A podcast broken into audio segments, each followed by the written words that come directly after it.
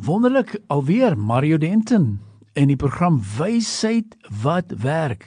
Hoe kan ek en jy 'n verskil maak in die lewer buite maar spesifiek in die werksplek? Waaroor gaan hierdie reeks? Elke keer so elke maand sit ek so 4 sessies bymekaar en omdat daar groot werkloosheid is, omdat daar groot ontevredenheid in werksplekke is. Ons sien dit gereeld. Het ek hierdie sessie gewoord of bewoord om te sê, kom ons gaan kyk na hoe moet ons die dinge doen in die werksplek?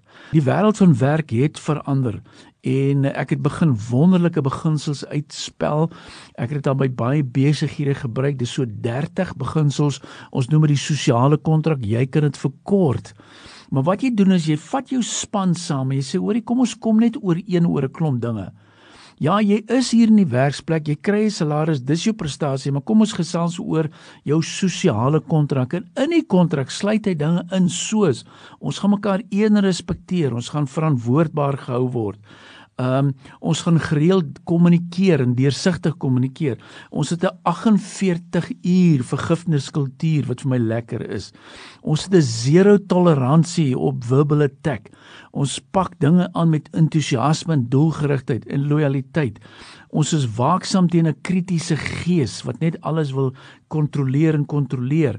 Ons gaan nie gerugte versprei nie. Dis baie belangrik. Ons gaan aktief deelneem. Ons gaan mekaar seën in die werksplek. Ons gaan bid vir ons werksplek en al hierdie beginsels. En dan wil ek ook sê ek het ook twee praktiese riglyne gee oor vergifnis, 'n vergifniskultuur wat ons moet skep en dan ook een wat ek wil sterker aanbeveel. Ek kry net te veel dat mense van mekaar praat in die werksplek. En dan is dit soms eenvoudig net dis soos 'n rugsteker of hulle sê net verkeerde goedes en ek praat van as iemand iets bespreek van 'n ander kollega kyk of hy dit al reeds met die kollega bespreek het. Indien hy vra hom om te gaan of sê jy kan julle twee gaan. Dis vir my baie belangrik, hoor. En dan wil ek vir julle 'n paar riglyne gee. Baie mense het seer gekry in 'n werksplek, sy emosies het lekker seer gekry en daarom moet 'n ou vir mekaar vra, is daar nie goed wat ek moet deurwerk nie. In hierdie laaste gesprek wil ek tog vir julle riglyne gee. Want baie maal kry ek 'n ou wat sê, "Hoorie so Mario, ek moet gaan kyk na my besluitneming ek moet gaan kyk na die dissipline in ons departement. Dis nie op die standaard nie. Ek wil gesels oor oplossings.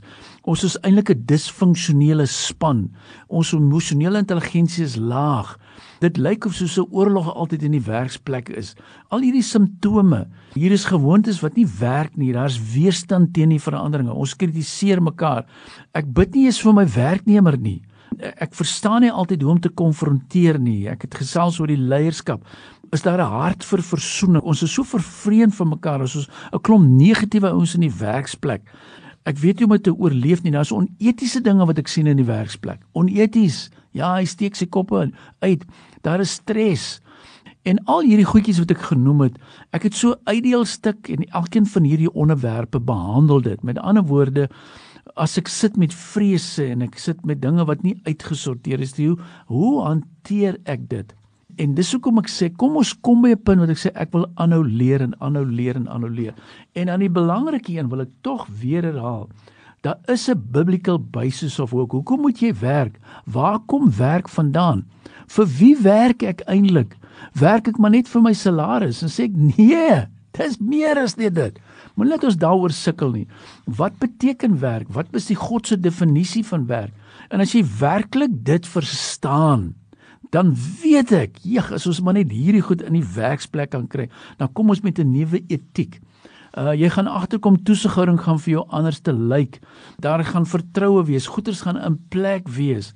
En jou werk raak ook gedeelte van 'n ou se bediening. Ek weet ek het horde voorbeelde waar die werk wat ek altyd ingewees het ook 'n geleentheid is om my bediening so op 'n subtiele manier uit te leef. Jy kom by die werks by mekaar dalk eenmal 'n week, is 'n middagete, jy 10 minute sê hoorie, kom ons bid net vir ons leiers. Kom ons bid vir ons kollegas. Ons bid vir vrede, kalmte en rustigheid. Jy vra vir die ouens, niemand kan jou stop sit nie. So hoe lyk hierdie dinge van excellence in my werksplek? Maar excellence bestaan vir my altyd uit sewe stappe. Ons begin altyd by personal excellence. Kry eers dit reg.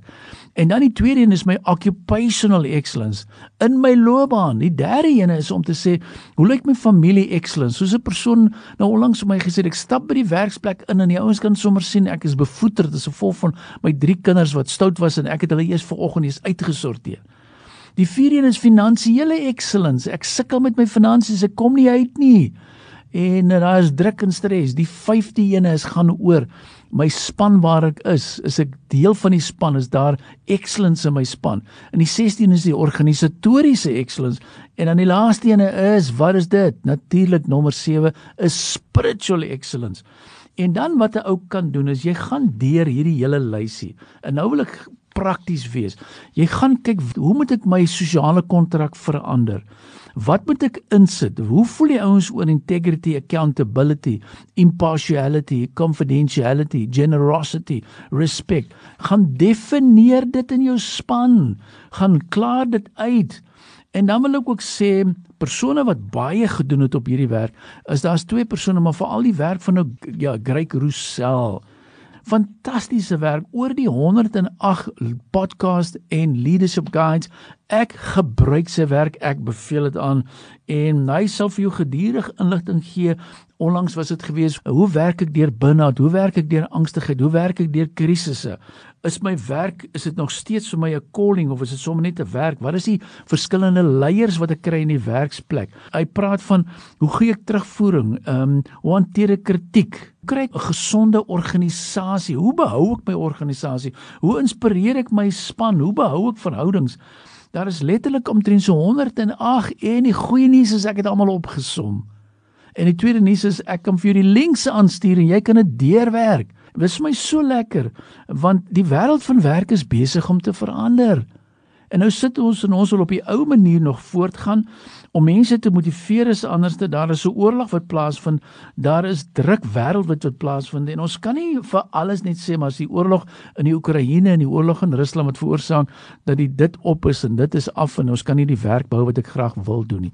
Nee wat ek wil sê die wêreld van werk het verander en ons moet gaan kyk daarna. En dis hoekom ek sê gaan soek terugvoering gaan kyk wat ek kan doen maar begin om hierdie beginsels uit te leef Jy moet jou probleme gaan identifiseer, jy moet gaan fokus, jy moet gaan saamvat wat kan ons anders te doen? Waar is dit wat moet gebeur? En wat is die dinge wat ek nie gaan soos hulle sê tolerate nie ook? No organizations will ever be what it could be without honest upward communication. Ek hou daarvan dat mense opwaarts kommunikeer en dan sê wat is die dinge wat toe aandag moet geniet. So hierdie reeks van 4 kom ek anker net gou. Dit gaan alles oor die sosiale kontrak, dit gaan oor my rol in die werksplek of jy nou by 'n sê byvoorbeeld by die kerk werk, daar is net so lekker konflik. Ek het al baie gesien by gemeentes wat ek sê julle moet daai dinge uitsorteer en dan sorteer hulle dit nie uit nie of ek sit baie maal met hulle en ek sê het julle accountabilities? Praat julle opwaarts. Nee ons kan nie verskil nie en ons eh, dis nie waar nie. Ek maak my baie ongemaklik. En ek kan sien dan word dieselfde foute gemaak wat ek in die wêreld van werk daar buite sien. En ons moet dit nie toelaat nie. Ons moet hierdie gedragskodes inbou en mekaar aanspreek en verskil as dit nodig is en ook sê hoekom jy verskil en waaroor dit gaan. So kry die inligting. Ek het mos dit nou klaar opgestel al hierdie tweets, daar is 185, daar is 30 beginsels, daar is great stellings, wonderlike stellings, dit werk.